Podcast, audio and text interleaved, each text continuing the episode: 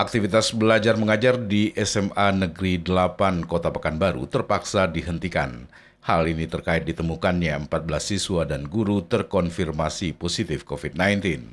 Hal ini disampaikan Kepala Dinas Pendidikan Provinsi Riau Kamsol kepada wartawan di Pekanbaru. Lebih lanjut, menurut Kamsol, untuk sementara seluruh siswa melakukan pembelajaran jarak jauh atau daring selama tiga hari ke depan. Kamsel menjelaskan ditutupnya sementara aktivitas SMA Negeri 8 Pekanbaru juga dikenakan banyak siswa yang berkeluh kesah demam meskipun belum diketahui positif atau tidak. Namun untuk mengantisipasi penyebaran COVID-19, aktivitas sekolah diberhentikan sementara selama tiga hari.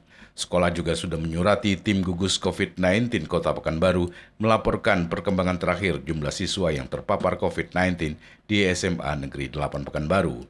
Kamsol menambahkan atas kejadian ini pihak sekolah sejak hari Minggu sudah melakukan sterilisasi. Hal ini sejalan dengan protap mengacu kepada surat keputusan bersama atau SKB 4 Menteri. Kalau surat kan kita nak mengingatkan ikut aturan SKB 4 Menteri sudah tahu semua. Oh, iya betul. Kita mengingatkan semua uh. sesuai dengan aturan Menteri. Ada apa saja kita ya. Masuk juga ada kasus yang sekolahnya terkonfirmasi positif.